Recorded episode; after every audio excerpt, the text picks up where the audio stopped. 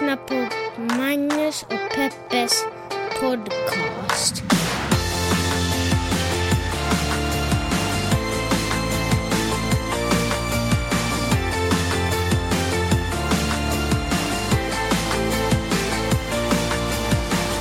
What up internet och hjärtligt välkommen till podcasten som heter i vanlig ordning Magnus, det är jag, och Peppe, det är du och det är liksom vår podcast. Så Magnus och Peppes podcast.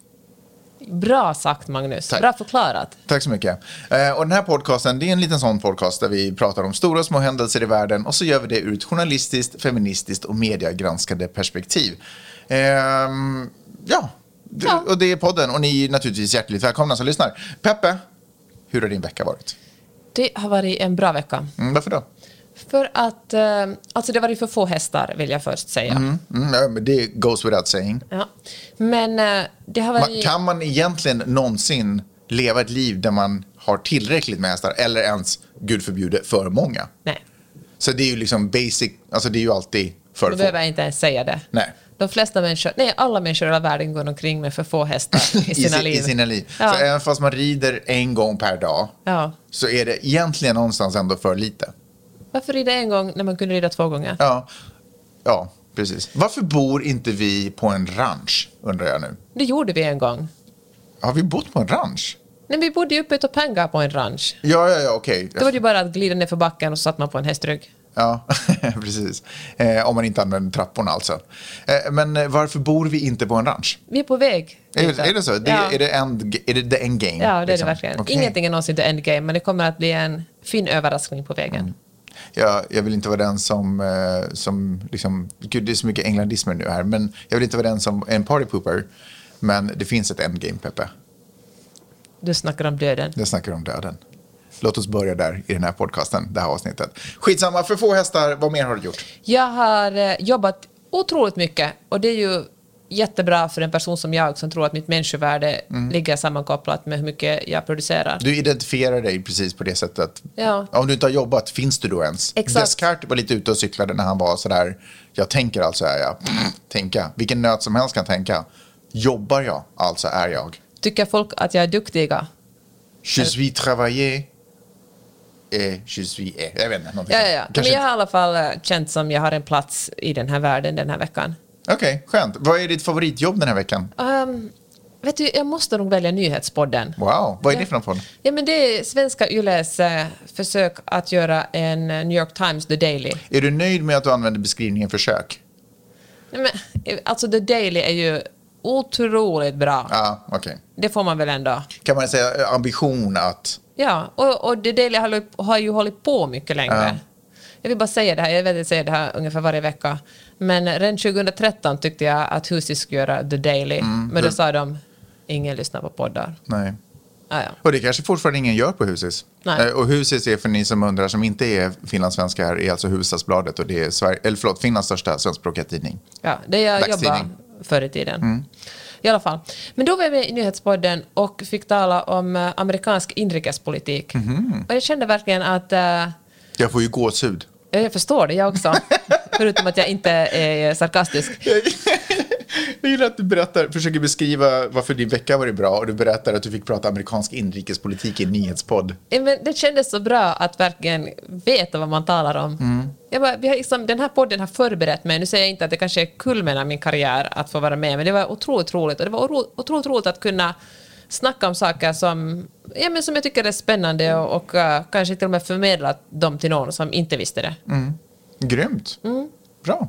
Du då? Vad är det roligaste du har gjort den här veckan? Vet du vad, jag är så otroligt ovan att få den frågan tillbaka spelad så jag har verkligen inget svar på den. Men nu, från toppen av min hjärna, Bra svenska, Magnus. Top of the dome, om du vet vad jag menar.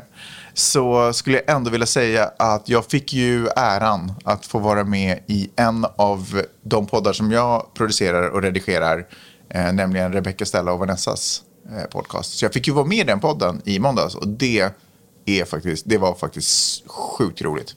Varför är det så roligt? Är det roligare än den här podden? Eh, Den är annorlunda. Eh, Ja. Det är klart att den är roligare. Det, det, nej, eller nej, är den det? Nej, men du vet, det är sådär socialt shibbe har du en annan roll i den podden? jag är den smarta i den podden, låt oss säga så.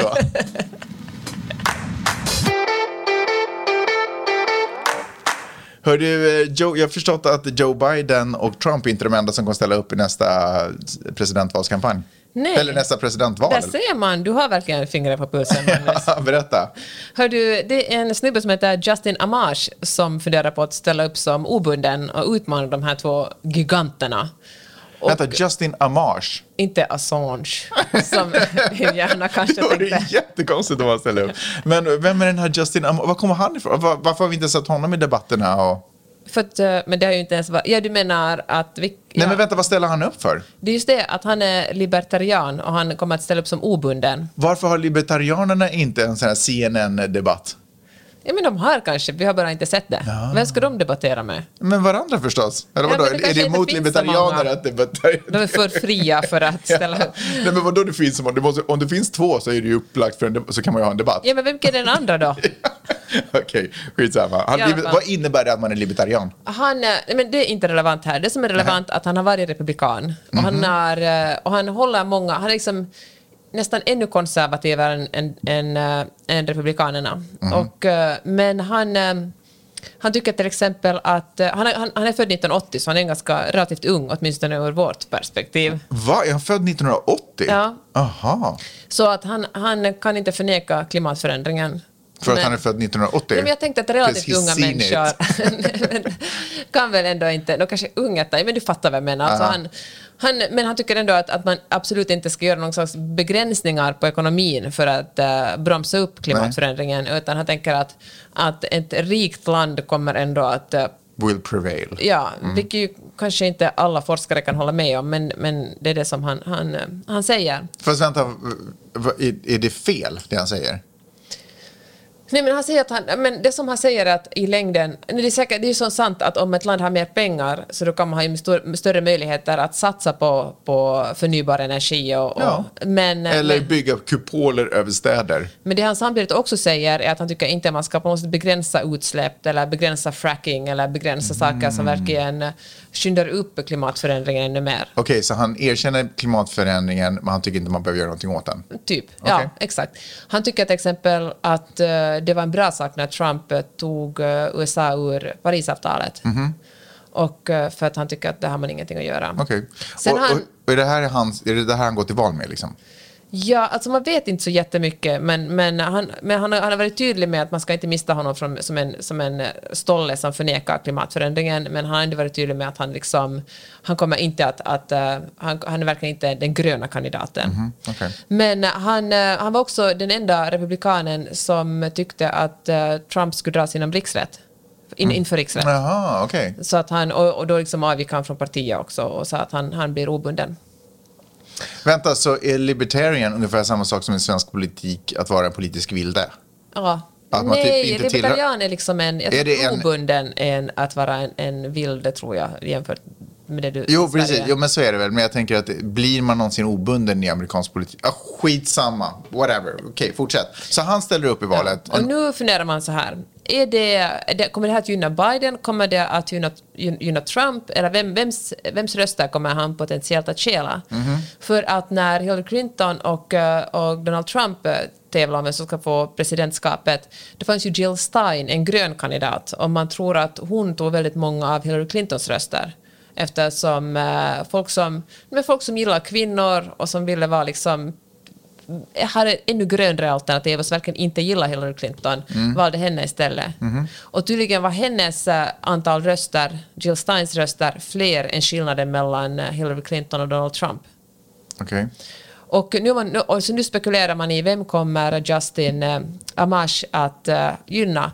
Och eh, kommer, man, man, alltså det verkar inte som att om många röstar på honom är det folk som annars ska rösta på Trump.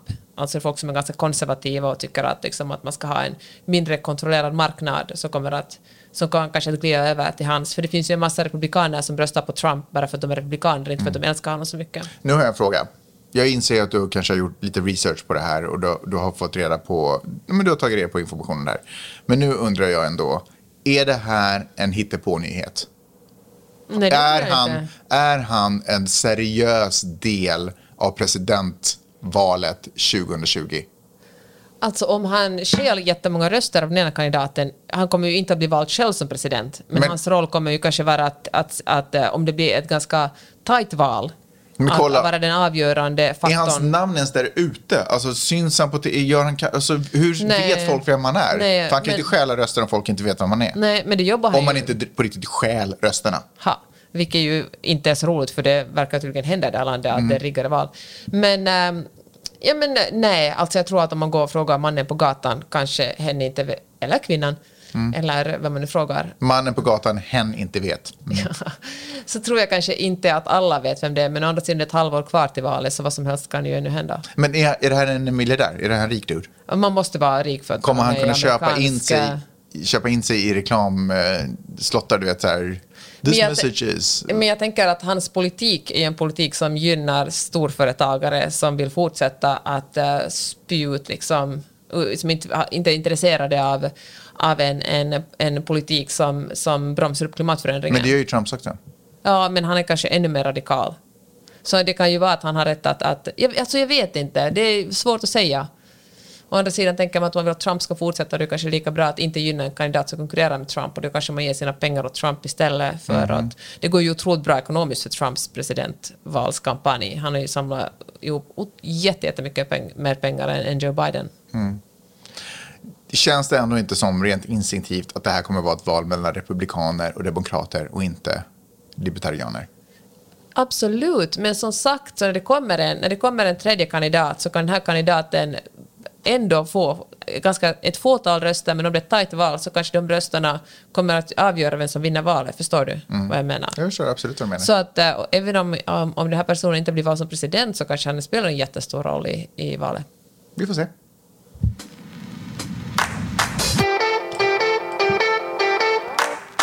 En grej som sprängde mitt instaflöde i eh, ja, slutet på förra veckan och kanske den här veckan var ju den här nyheten om Ahmad Arbery. Vet du vem det är? Ja, det var den här 25-åriga svarta mannen som var ute och joggade i Georgia Exakt. och blev eh, brutalt mördad av två vita gubbar, en far och en son. Ja. Eh, och det som gjorde att eh, nyheten smällde på nu igen var ju just att det faktum att man hittade, en video börjar florera där man ser att de här faren och sonen skjuter ihjäl den här duden. Eh, för ska vi vara helt ärliga så skedde det här redan i februari. Så det har, gått, det har gått ganska lång tid om vi säger så. Så mycket frågetecken är naturligtvis om varför det har tagit så lång tid och bla bla. Varför har polisen inte varit, haft, varför har de inte hittat de som har gjort det? Varför måste, väntar man på en video helt plötsligt sp- spontant börjar spridas på nätet? Skitsamma, de är fast och, och så. Eh, men det som faktiskt eh, ändå eh, tog tag i mig är ett citat som basketspelaren LeBron James. Peppe, vilket basketlag? Men gud, the Lakers. Obviously, obviously. Lakers. Eh, LeBron James, han, det här var, alltså, det var ett citat som poppar upp på, på Instagram. Då skrev han så här. We're literally hunted every day.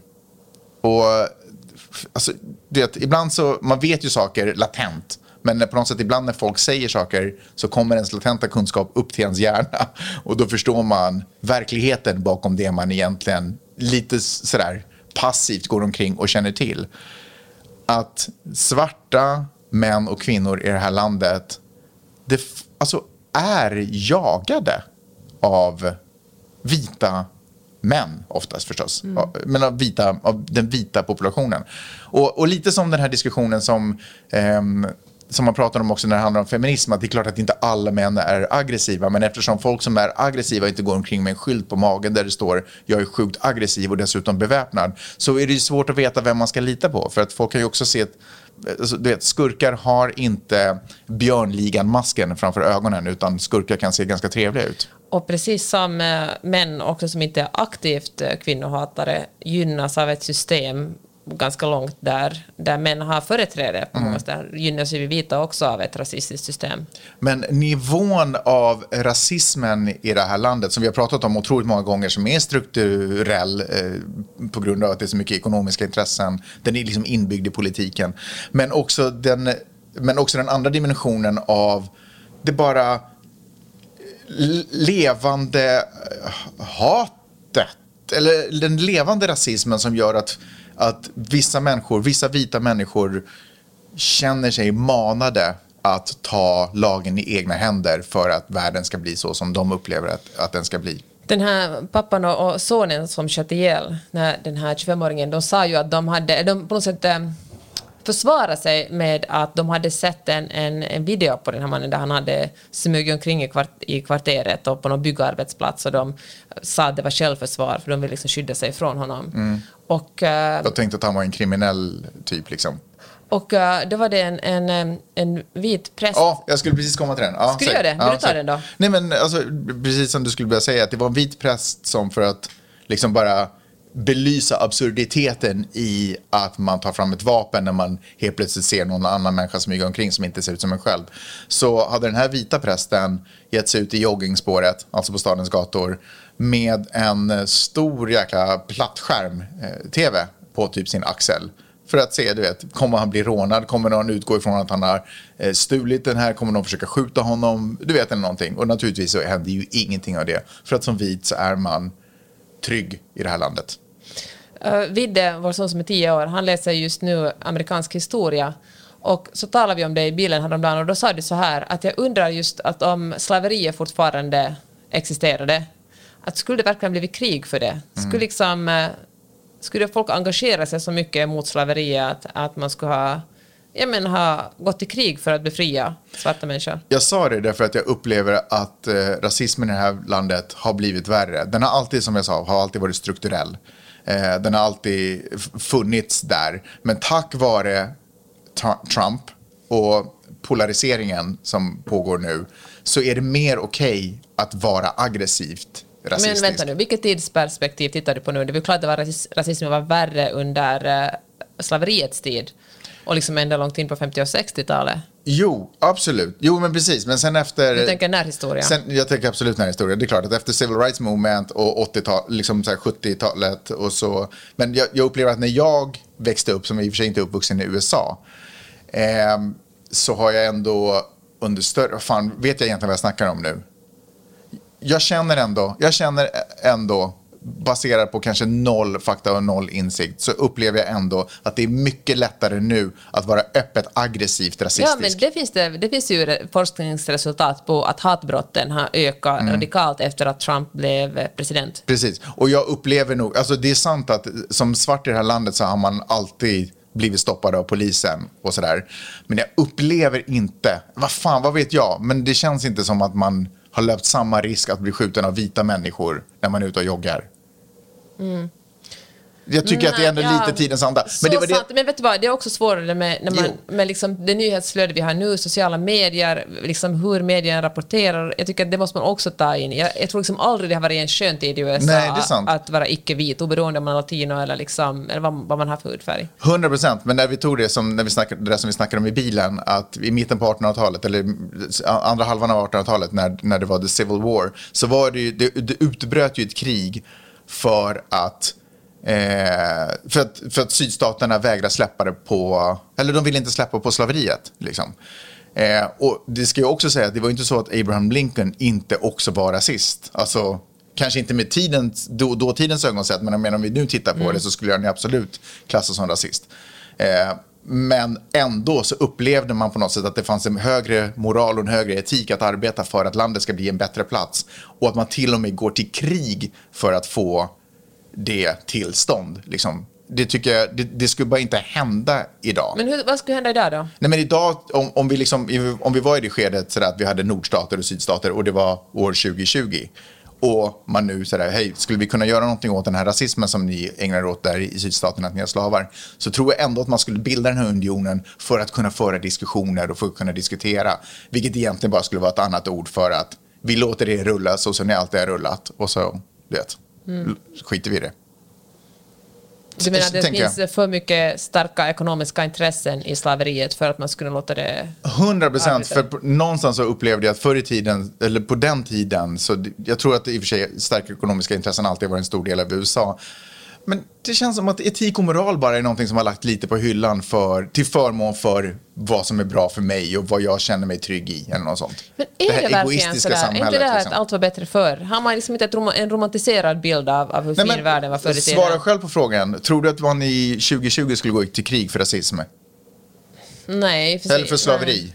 Inte rasism, utan slaveri. Skulle man gå till krig för det Och- i USA? Nej, eller jag tänker så här att om man inte gick i krig för de där barnen som låstes in kring barnen som kom från Centralamerika och låstes in i liksom baracker Ja. och tas ifrån sina föräldrar. Jag menar, Nej, men exakt. Ja, då är man nog kanske inte så intresserad av mänskliga rättigheter. Problem- Men, men får jag också säga en sån här sak, att man måste också komma ihåg att, att, att ta till våld kanske inte alltid är hela lösningen. Det finns ju också andra sätt att eh, lösa en konflikt. Jag menar, det finns, vi kanske tänker så att vi lever ett, i ett civiliserat samhälle. Jag tänker att det här är en fråga som Demokraterna ofta tampas med.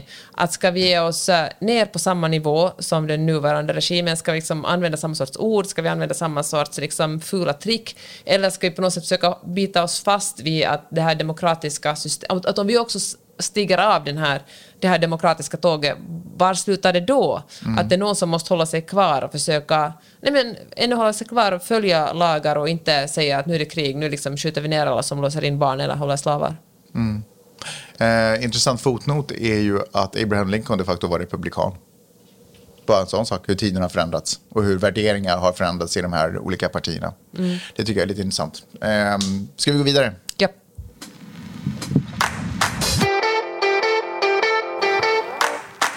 Hör du, på tal om Joe Biden, så um, börjar, eh, det känns som jag säger det här varje vecka, men han är ju ingen, han är ingen ung man längre. Har du någon form av fetisch för Joe Biden? Nej, men jag tror att snarare tvärtom. Jag är så gravt oroad över hur det ska gå med honom och, och om han blir president. Alltså, huh. Vänta, du, sitter, alltså, du är orolig för hans hälsa? Är det det du säger? Ja. Men Okej. också för jag är liksom inte orolig att han ska stifta några jättekonstiga lagar eller liksom göra något konstigt, men jag är orolig över hur han kommer att hantera liksom ja, men, vad det kommer att bli... Om, nej, okej, kanske i grund och botten så här. Är han stark nog att stå emot Trump? Gjorde demok- jag vet att det är för sent att tala om det här nu eftersom han är Demokraternas presidentkandidat. Men att han är... Alltså han börjar vara till åren och det här säger jag inte... Liksom, det är inga fördomar mot gamla människor. Jag är samtidigt väldigt glad över att, att man kan ha ett så aktivt liv, att man verkligen ställer upp som presidentkandidat när man är pushing 80. Men jag är ändå väldigt oroad. Han liksom, man, när man ser klipp med honom från 10 och 20 år sedan blir det väldigt tydligt hur mycket han har åldrats. Och bara hans sätt att uttrycka sig själv, uttrycka sig, nej men det känns som att tala med en, en person som inte är knivskarp längre. Eh, En liten fråga. Vad, Okej. snack, vad snackar du om? Du snackar om att Joe Biden, du är orolig för Joe Bidens hälsa.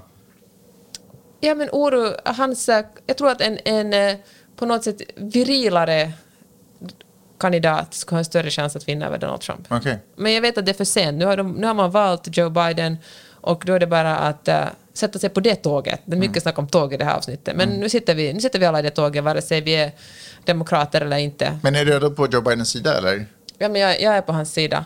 Men jag tror också att det... Har det framkommit någon ny, ny information som gör att du just nu har blivit extra orolig för Joe Bidens?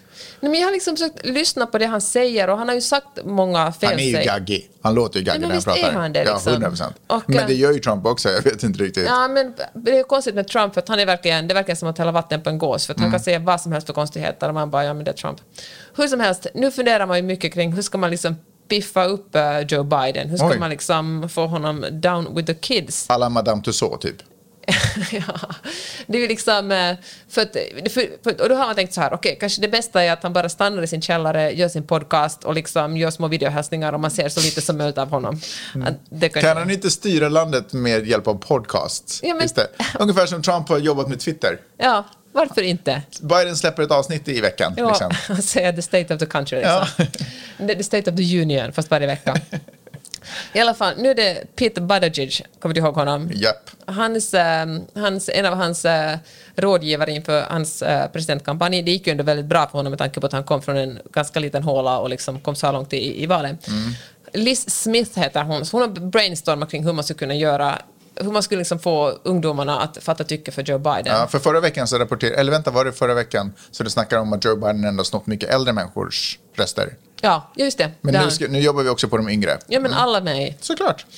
Och då tänkte hon så här, tänk om man skulle göra samma sak som Travis Scott gjorde i Fortnite. Wait, what? Du vet Travis Scott, den här... Musikern? Ja. Ja, han, gjorde en live-gig på något sätt i Fortnite. Fortnite. Ja. Ja. Så vänta, ska Biden in i Fortnite? Han kommer ju bli skjuten till bitar. Hon bara, var, alltså, jag, jag kan liksom inte släppa den här, den här bilden där eh, Joe Biden är jättestor. Han var liksom, eh, Travis Scott var ju liksom, eh, jag vet inte hur, alltså, han var ju gigantisk jämfört med liksom vanliga människor i Fortnite. Tänk om man släpper loss en, en Joe Biden. Mm. Du som menar en, hans avatar liksom? Ja, ja. en jätte som vandrar omkring En där jätte-Biden? I, Ja. i Fortnite och liksom sprider sitt budskap. Ja, jag gillar det i och för sig. Gillar du det? Ja. alltså jag Det är blir- lite som den här, um, vad heter den där serien, The Clockman eller vad den heter. Du vet han, äh, skitsamma, whatever. Ja, fortsätt. Clockwork Orange. Nej, nej, nej, nej, men strunt samma. Ja, fortsätt. Clockman. A Watchman heter Watchmen. den. Ja, Clockman. ja, jag visste att det hade med något TikTok att göra. För det var det jag också skulle säga. Varför, varför var det så roligt? Urmakarna kan vi väl säga. Den svenska översättningen. Anywho's. Eh, varför satsar de på Fortnite? Varför gör han inte liksom etablera sig på TikTok eller någonting istället? Ja, Men där är väl alla. Jag tänker Ja, att är kidsen mycket- börjar... Jag menar, jag menar, jag- både Arnold Schwarzenegger och Anthony Hopkins finns Ja. på TikTok. Jaha, du menar att de håller på, de förbereder för döden för Jag TikTok? menar, TikTok håller långsamt på att glida in och bli Facebook. Okej. Shit, vad jobbigt att hänga. Fan, måste de alltid jag- haka alltså- på? Som, Ja, ja, jag måste... Ja, alltså det, ja, måste man bara haka för de på. sätter ju bara mer krav på sig själva. Om de skulle släppa det där skulle de inte heller behöva uppdatera sig på något nytt. För det skulle inte folk behöva byta. Sen finns det ju de som lägger upp grejer på TikTok och sen lägger de upp TikTok-filmerna på Insta. Och det känns Mm. liksom... Ja, men det... Um, Ja. Vilka, nu, vilka ord eh, kidsen ska använda för det? jag vet Ja, inte. hur som helst, den här nyheten att när jag föreställer mig Joe Biden i Fortnite så blir jag både skräckslagen och samtidigt lite pirrig i hela kroppen. För jag vill liksom... Jag vill se det hända, men jag vill absolut inte se det hända. Mm. Jag tror att det skulle kunna rädda hans eh, liksom image och hans... Kan inte, kan inte Biden och Trump så battle it out i Fortnite? Ja. Eller någonting sånt. Eller skaffa ett... Eller, liksom Eller bara, knäcka med en dansvideo på typ TikTok eller någonting. ja. Och den som vinner den liksom har vunnit presenten. Ja. Eller åtminstone vin, vinner ungdomens röster eller någonting Ja. sånt. ja, men jag motsätter mig det inte alls. du supportar det? Ja. Grymt, då, då spikar vi det. I helgen träffade vi några kompisar som tipsade om en dokumentär som heter Plandemic. Mm. Som eh, handlar om eh, nej men liksom antivaccinationskampanj mer eller mindre. Och våra kompisar sa att man måste... Wait, what? Är det det det är? Ja. Jaha. Och den är tydligen gjord väldigt... eh, Men den är gjord som en riktig dokumentär. Det är alltså inte bara en talking head i en ruta, utan det är verkligen intervjuer, det är filmat med proffsiga kameror. Och... eh, Filma för proffsiga Hur gammal är du? Alltså, alla, alla som har en telefon har ju typ en proffsig kamera hemma just nu. Du har ingen aning om vilken kamera den har filmats med.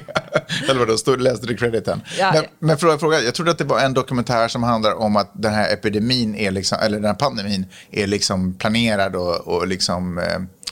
Eh, men alltså, Ja, men det är en det. del Den planerad och för att folk ska köpa massa vaccin. Det är liksom Big Pharma, alltså läkemedelsindustrin som ligger bakom den. För att folk ska vaccinera sig trots att man inte Mm. behöver det. Och, eh, och, eh, Jag har alltså inte sett den, för den Nej, jag går typ inte att se den. Nej, och för att våra kompisar var sådär, det är så svårt att få tag på den. Precis när hon hade sett den på YouTube så hade den försvunnit. Det gick liksom inte att googla den. Ja. Och, och Och bara det är det. mystiskt. Ja. Men, eh, och då gick jag ju hem och läste på lite och eh, har lärt mig följande, eller innan det här lyssnade jag på en podd som handlade lite om det här, men, som han, och eh, i grund och botten handlar det om att Youtube och Facebook och andra stora socialmediejättar har för en gångs skull gått ihop och beslutat sig för att eh, ta bort material som är direkt eh, farligt för människor. Alltså som att, som att dricka klorin till exempel för att bota, bota eh, covid-19. Men vadå, så de har gjort bedömningen att den här dokumentären, inom citationstecken, alltså är direkt farlig för människor? Ja. Va- varför då? Vad, vad säger de i dokumentären? Alltså, nej, men fattar jag att, inte. eh, nej, men jag har inte ens sett den själv heller, jag har bara läst om den. Jag bara tänker att det liksom- finns miljoner idiotdokumentärer på, som handlar om att pyramiderna är ditplacerade av aliens. Ja, men det är väl inte farligt direkt för människor, alltså, förstår du? Fast inte du, att sprida dumhet är väl farligt för människor på något sätt? Är det inte liksom Ja, men- kunskap som, Och som det är sant, räddar och det är oss? liksom det är så som, som Zuckerberg och liksom eh, YouTube också argumenterar, att de kan liksom inte, de är bara en plattform och, Mm. och de kan bara ta bort sånt som är, som är direkt farligt eller, eller då liksom som är, de, när det, hän- ja men alltså de är väldigt, eh, det är svårt för dem med censur, det fattar jag också. Man vill ju, heller, man vill ju liksom, jag känner så att man vill ju på något sätt att kontrollera vad det är som visas för ens barn som hänger där, Mm. eller, och ens dumma vänner. Men samtidigt så vill man ju heller inte leva i en värld som är som Kina, liksom, som har en jättestark censur, där man liksom börjar censurera också politiska kommentar- kommentarer. Men får jag bara säga, Ja. men just när det handlar om covid-19, då har eh, WHO gått ut med väldigt starka riktlinjer och sagt att det här är en den, den här pandemin är så pass farlig så vi måste ta i det med hårdhandskarna och då har de här sociala mediejättarna gått med på att eh, helt enkelt ta bort allt som sägs där som, som kan leda till, som är en fara för människor och då har man istället liksom satsat väldigt mycket på eh, an, liksom influencers som ska sprida budskapet tvätta händerna och hosta inte på varandra och förklara liksom vad, vad liksom covid-19 egentligen är. Men det som jag tycker är men som, jag vet inte om det är i USA, om, om, man ska träffa, om det går att träffa kompisar också i, Helsingfors och Stockholm som, som tror på sådana här konspirationsteorier. Men eh, alltså jag blir alltid, blir, tycker det är oroväckande när man hänger med folk som man annars tycker är smarta och man har ganska samma värderingar med, som ändå går på det här. Mm. Eh, och speciellt nu så lever man i en tid där vänner inte alltför sällan överraskar en med liksom sådär. Men jag har ju bara börjat muta dem. Jag försöker inte ta bort dem från mitt liv för att alla kan inte tycka och tänka som jag. Och det är väl också en Fast- fördel med Får jag mänskligheten. bara säga som det handlar liksom inte om åsikter, det handlar om fakta. Jag tycker att man är jättenoga med det. Liksom det är en sak att säga, okej, att muta en person för hennes eh, politiska åsikter, att rösta på ett parti som man själv inte röstar på, och en annan sak är att uh, muta en person som verkligen sprider information som kan ska, liksom som är direkt, men som att, som är direkt farligt i sådana tider. Och, eh, men jag håller med, jag har också mutat en massa folk som man vill vara kompis med utanför sociala medier. Det talade vi om också i förra avsnittet, hur man liksom, folk är inte så bra på sociala medier och på att formulera sig och då sprider de en massa skit. Men det som jag tycker är väldigt intressant just i det här fallet är hur eh, det är så spännande med konspirationsteorier. Att Men det är ju det. men det är det, men att, att det är liksom så kittlande spännande att istället för att ta sin information från etablerade medier så väljer man att lyssna på någonting som man hittar på YouTube. Men det jag också tycker är så intressant är att, för jag tycker också det är superspännande. Jag älskar just dokumentärer om aliens som har placerat pyramiderna på planeten jorden. Alltså inte motion pictures utan sådär i typ dokumentärform. Alltså, jag fattar inte. presenterade. Jag älskar att kolla på det. Jag älskar att kolla på eh, dokumentärer om frimurarorden och Illuminati till höger och vänster. Så jag tycker det är superspännande. Men jag har aldrig tittat på det och varit så här, åh, var det så här det gick till? Eller åh, är det så här det går till? Utan det där är en form av underhållning för mig. Liksom, jag, jag skulle aldrig förväxla det med en med riktig fakta. Liksom. Med det sagt, det kan vara sant det de säger. Men innan det finns bevis för det, som, eller, du vet, eller whatever om det är sant eller inte. Men innan det på något sätt finns konkreta bevis så kan man ju liksom inte gå i, i den riktningen. Men jag tycker det handlar om en grundläggande okunskap. Jag vet att det här är också något vi talar ofta om i den här podden, men den ska väl handla delvis om det. Skillnaden mellan att eh, förstå vad som är en, en trovärdig källa och inte trovärdig källa. Att hellre lita på någon random grej som någon lägger upp på YouTube än att läsa liksom, en nyhetstidning. Det, det är så... Och som sagt fattar jag delvis det, men det är ändå så mm, sorgligt på något sätt. Jag håller med. Jag tycker det är så sjukt beklagligt, eller sorgligt, om vi ska använda ett mer vanligt ord. Men att, det, men att det också finns någon sorts konspirationsteori för, för medier, att, det är liksom, Mm. att journalister är, är personer som bara använder liksom de här etablerade medierna som plattformar för att styra sin egen agenda. Men alltså, illvilliga och cyniska människor, har, det är ju the time of their life för dem just nu. Eh, för folk älskar ju att, du vet, så som jag pratade om att kritik ofta är kopplat till någonting negativt. Och om man, om man lyfter fram negativa poänger då har man haft ett kritiskt öga och ser saker och ting för vad det egentligen är. Att det är på något sätt förknippat också med att vara smart. Att liksom se igenom bluffen, att kritisera det. Så människor som ägnar sig åt att lyfta fram negativa vinklingar på saker och söker dem och presenterar dem får ju naturligtvis sjukt mycket uppmärksamhet just nu. Men titta bara på Infowars. Det är ju inte en glad och skön kille som sitter och berättar. Alex Jones. Ja, som sitter och drar saker som han har funderat på. Utan det är ju förknippat med otroligt mycket negativitet och liksom fara och färde och alarmism och, och sådana saker. Så det är så otroligt beklagligt att de här människorna får så otroligt mycket spelrum och spelutrymme. Ja, spelrum. Ja. Men jag tänker att om man misstror, om man tror liksom att misstror journalister och tror att de bara på något sätt gör det för en personlig agenda, tror man då också att när man går och liksom ska göra en operation, att, lära, att liksom läkaren på något sätt, kirurgen, opererar lite på- för att hen har en egen agenda, eller till tandläkaren, att tandläkaren borrar i fel tänder eftersom hens agenda är att man ska gå omkring med, med ruttna tänder. Eller liksom, misstror man precis alla yrkesgrupper då, eller är det liksom specifikt journalisterna? Mm. Bra point faktiskt. Men det är ju förstås specifikt journalisterna för det är de som har som jobb att, att sålla. De är ju, eller- de, vi, slash vi, slash de, slash du, eh, är ju eh, tratten som ska sålla ut vad som är väsentlig och relevant information. Så det är naturligtvis ett sjukt stort ansvar som man sitter på. Jag menar, jag säger inte att kirurger inte har ett stort ansvar förstås. Men ofta så är det inte så att det dyker ner tusen Glöm väg. inte munhygien. Exakt. Ofta så är det inte så, ja men du vet om en, en tandläkare stirrar in i någons mun så är det inte så här, ska vi gå den vägen eller ska vi gå den vägen, utan det där hålet ska bort, period. Liksom. Och ganska snabbt ser man effekten av att det, det blev ganska bra i munnen efter. Medan när det kommer till journalistiken så har man ju som gemene man ganska svårt att undersöka att vad var det ni egentligen valde bort. Till förmån för det som presenterades och det som, den vinkeln som valdes. Liksom. Det är ju inte svårt att skapa konspirationsteorier där. Så att säga. Nej. Och speciellt inte i det här landet. Och det här tycker jag också är så jäkla dumt. För jag fattar att det ser ut så i det här landet därför att också media är så polariserad. Men när de här konspirations... Så det finns ju naturligtvis utrymme. Varför har CNN valt just den vinkeln? Varför har Fox valt just den vinkeln? Det är ju naturligtvis för att lyfta upp deras egna kanaler. Men det jag tycker är så sjukt tråkigt är när det amerikanska tankesättet flyttas över till nordisk media där det inte finns de här extrema liksom, supervänstertid. Ja, men det gör det. Men om vi...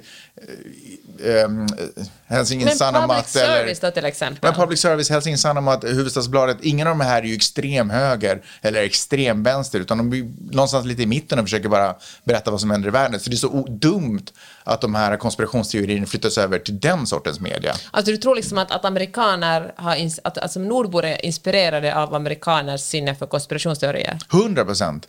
100. Köper den rakt av, därför att alla läser samma Reddit-trådar eller samma Flashback-trådar. Så det är klart att, att de översätts.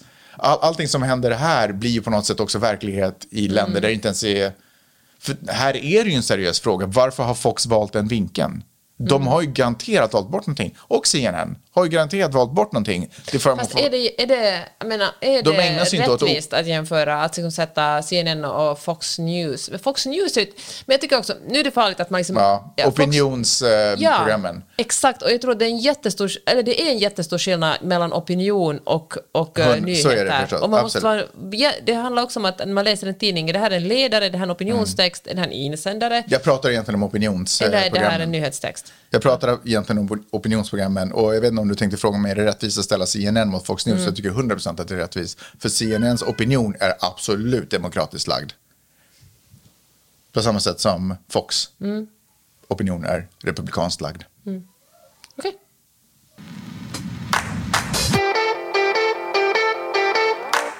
Camilla Läckberg har kommit ut med en ny bok. Oj.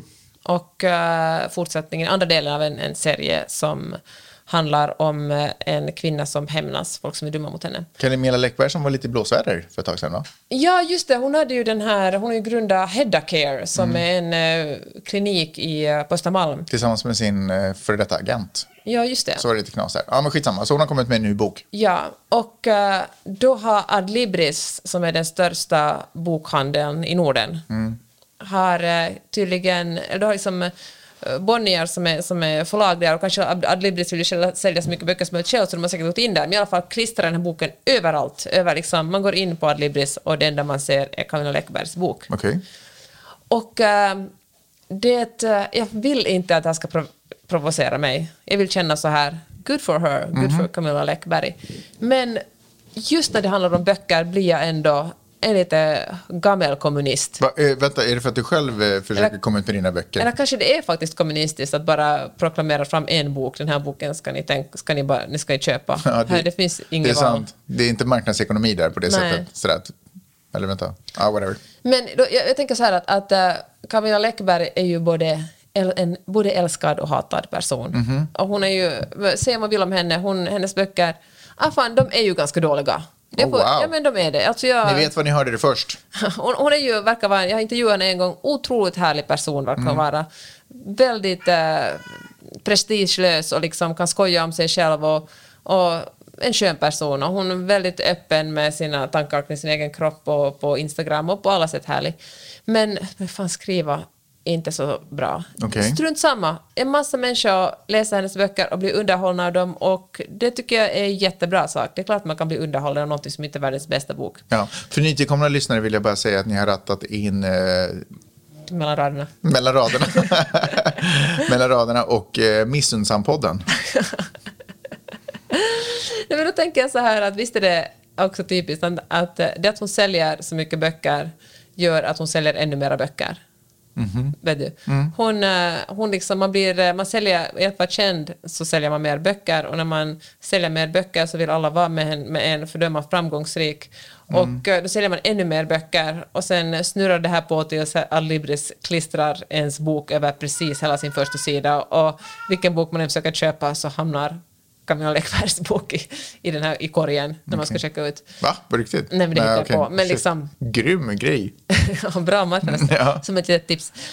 Men eh, så jag vet liksom inte, alltså, ja, okej, jag bara säger det känns så orättvist. Jag tycker det är så viktigt med kultur och det är så viktigt med att folk läser bra böcker också. Jag tänker inte säga köp för guds skull Camilla Läckbergs bok och njut av den. Jag kommer också säkert att läsa den så jag skulle kunna tala om den i, i Mellis. Eller få en kopia.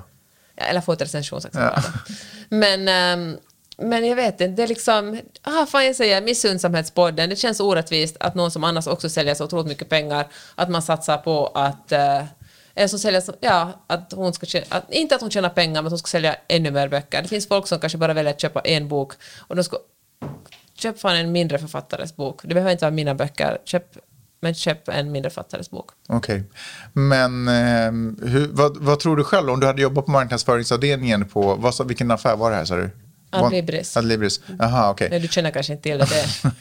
Nej, Ehm, jag tror jag försökte beställa mat där några gånger. Nej, men om, om du skulle jobba på marknads... Du skulle jobba på marknadsföringsavdelningen och sen har du äntligen en av en ett av Sveriges största namn som är, är aktuell. Inte aktuell en gång i månaden eller en gång i halvåret eller en gång i året. En gång i året. En gång i året, okej. Men i alla fall aktuell just nu. Är det liksom nu som är läge att nu pumpar vi ut bilder på icke-kända författare som ingen har någon aning om? Nej, men jag tänker att folk kommer att, att köpa hennes bok oberoende. Okej. För folk, du menar att folk som är intresserade av henne vet att hon är ute med en ny bok? Ja, Så verkligen. då kommer de ändå köpa? Ja, så det är helt onödigt? Folk har gått och suktat efter den här boken tror jag länge. Jag säger inte att man behöver liksom göra som YouTube och på något sätt gömma den liksom från algoritmerna så att det ska vara omöjligt att hitta den. Men jag tänker att, att folk Vi kör kommer... pandemi- äh, pandemic-strategin här. Vi tar bort den så fort den har kommit ut. Och på ett sätt är jag glad över att folk liksom eh, läser böcker, men jag tänker bara... Ja, ska någon som har så mycket få ännu mer? Okej, jag tycker att din bitterhet eh, har genomsyrat alldeles för mycket i det här avsnittet. Men när vi ändå är inne på författare och böcker, Kristina Lugn dog ju här ny, nyligen. Hade du en relation till hennes böcker, författarskap? Nej, jag har läst eh, dikter av henne, men, eh, men nej. Nej. Jag har, den enda relationen jag har, jag, jag har givetvis inte läst någon av hennes Nej, ingen alster. trodde det. Nej.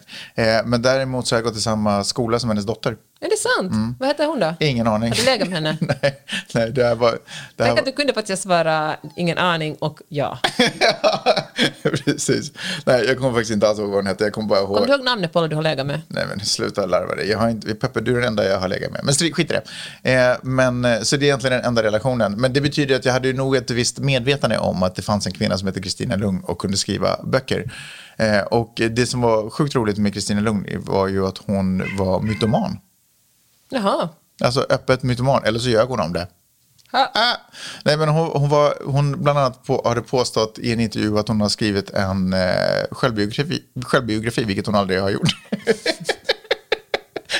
Det är ganska lätt att kolla upp en då. det är faktiskt ganska lätt. Nej, fast hon kunde vara så nej men den är slut. Liksom. Den finns inte på Inga spår av den heller. inga spår av den heller. Så det tycker jag var, ja men det- alltså, ja, kul, kul anekdot. Sen hade hon också, jag vet inte om du någonsin har hört henne prata. Eh, men hon pratar väldigt lugnt och eftertänksamt. Hon hade ändå den egna föreställningen om att hon pratade oerhört snabbt. Vilket också är sjukt roligt. Ja, ja, det var nu det. Vilken, vilket ote, otippat ämne för dig att ta upp. Jag snackade lite om eh, Kristina Lugn. Lugn, Ja, men ja. Jag trodde faktiskt att du skulle ha lite mer att säga om henne. Men Jag sparar det till mellan raderna. du sparar, ah, du kör den. Hörni, eh, jag har en sak till att prata om. Yes.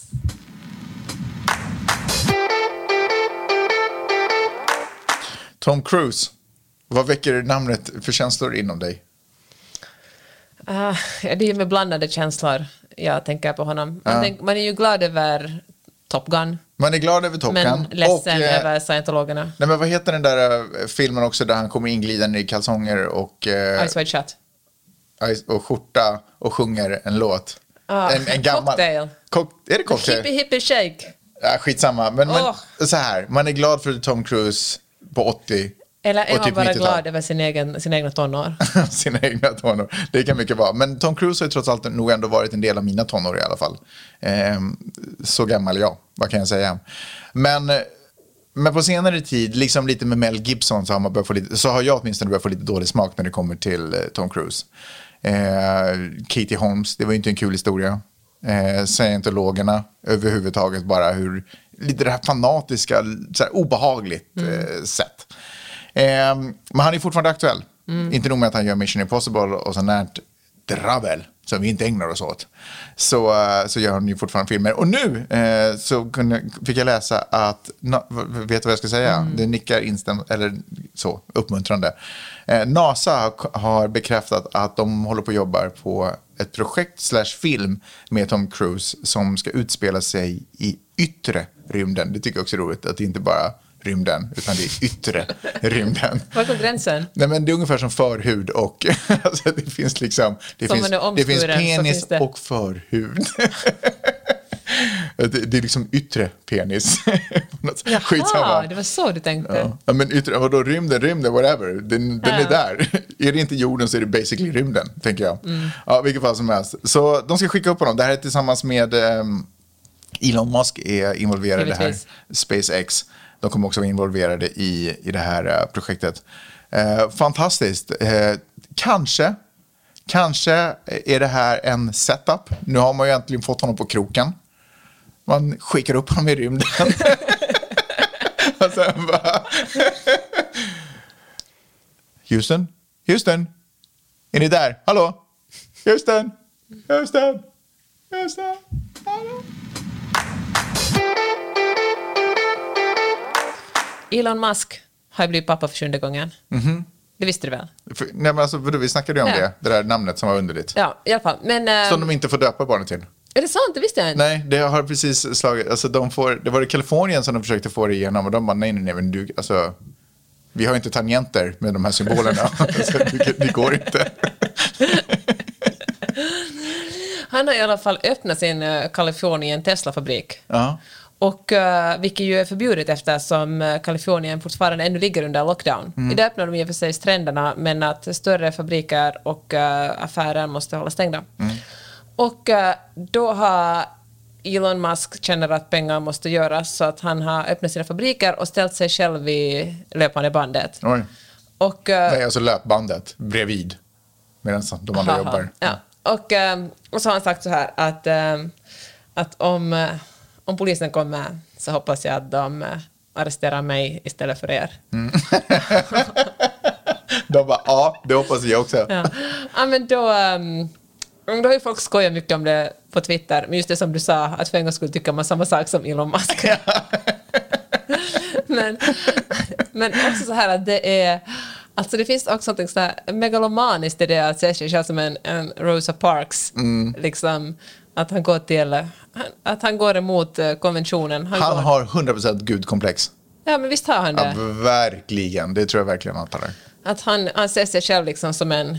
Man har ju också kallat det liksom fascistiskt att stänga ner, den, att stänga ner liksom industrierna för att folk inte ska bli smittade, men han tycker att det är fascistiskt. Och, uh, ja, men det finns någonting som är så otroligt amerikanskt och smutsigt också i att, när, att allt verkligen handlar om att tjäna mer pengar. Mm. För det är verkligen den enda orsaken som man vill få igång fabriken. Det kostar jättemycket när folk inte får sina Teslan. Mm, så är det. Hörru, nu ska vi stänga ner den här fabriken. Eh, och det beror inte på karantän, utan det beror på att vi har, vi har sagt det vi vill säga den här veckan, tycker jag. Men hörru Peppe, det var roligt att prata med dig. Detsamma, Magnus. Och jag tänker att om ni vill höra av er till oss så gör ni det mycket bra på magnusochpeppe gmail.com och vi hörs om en vecka. Det gör vi.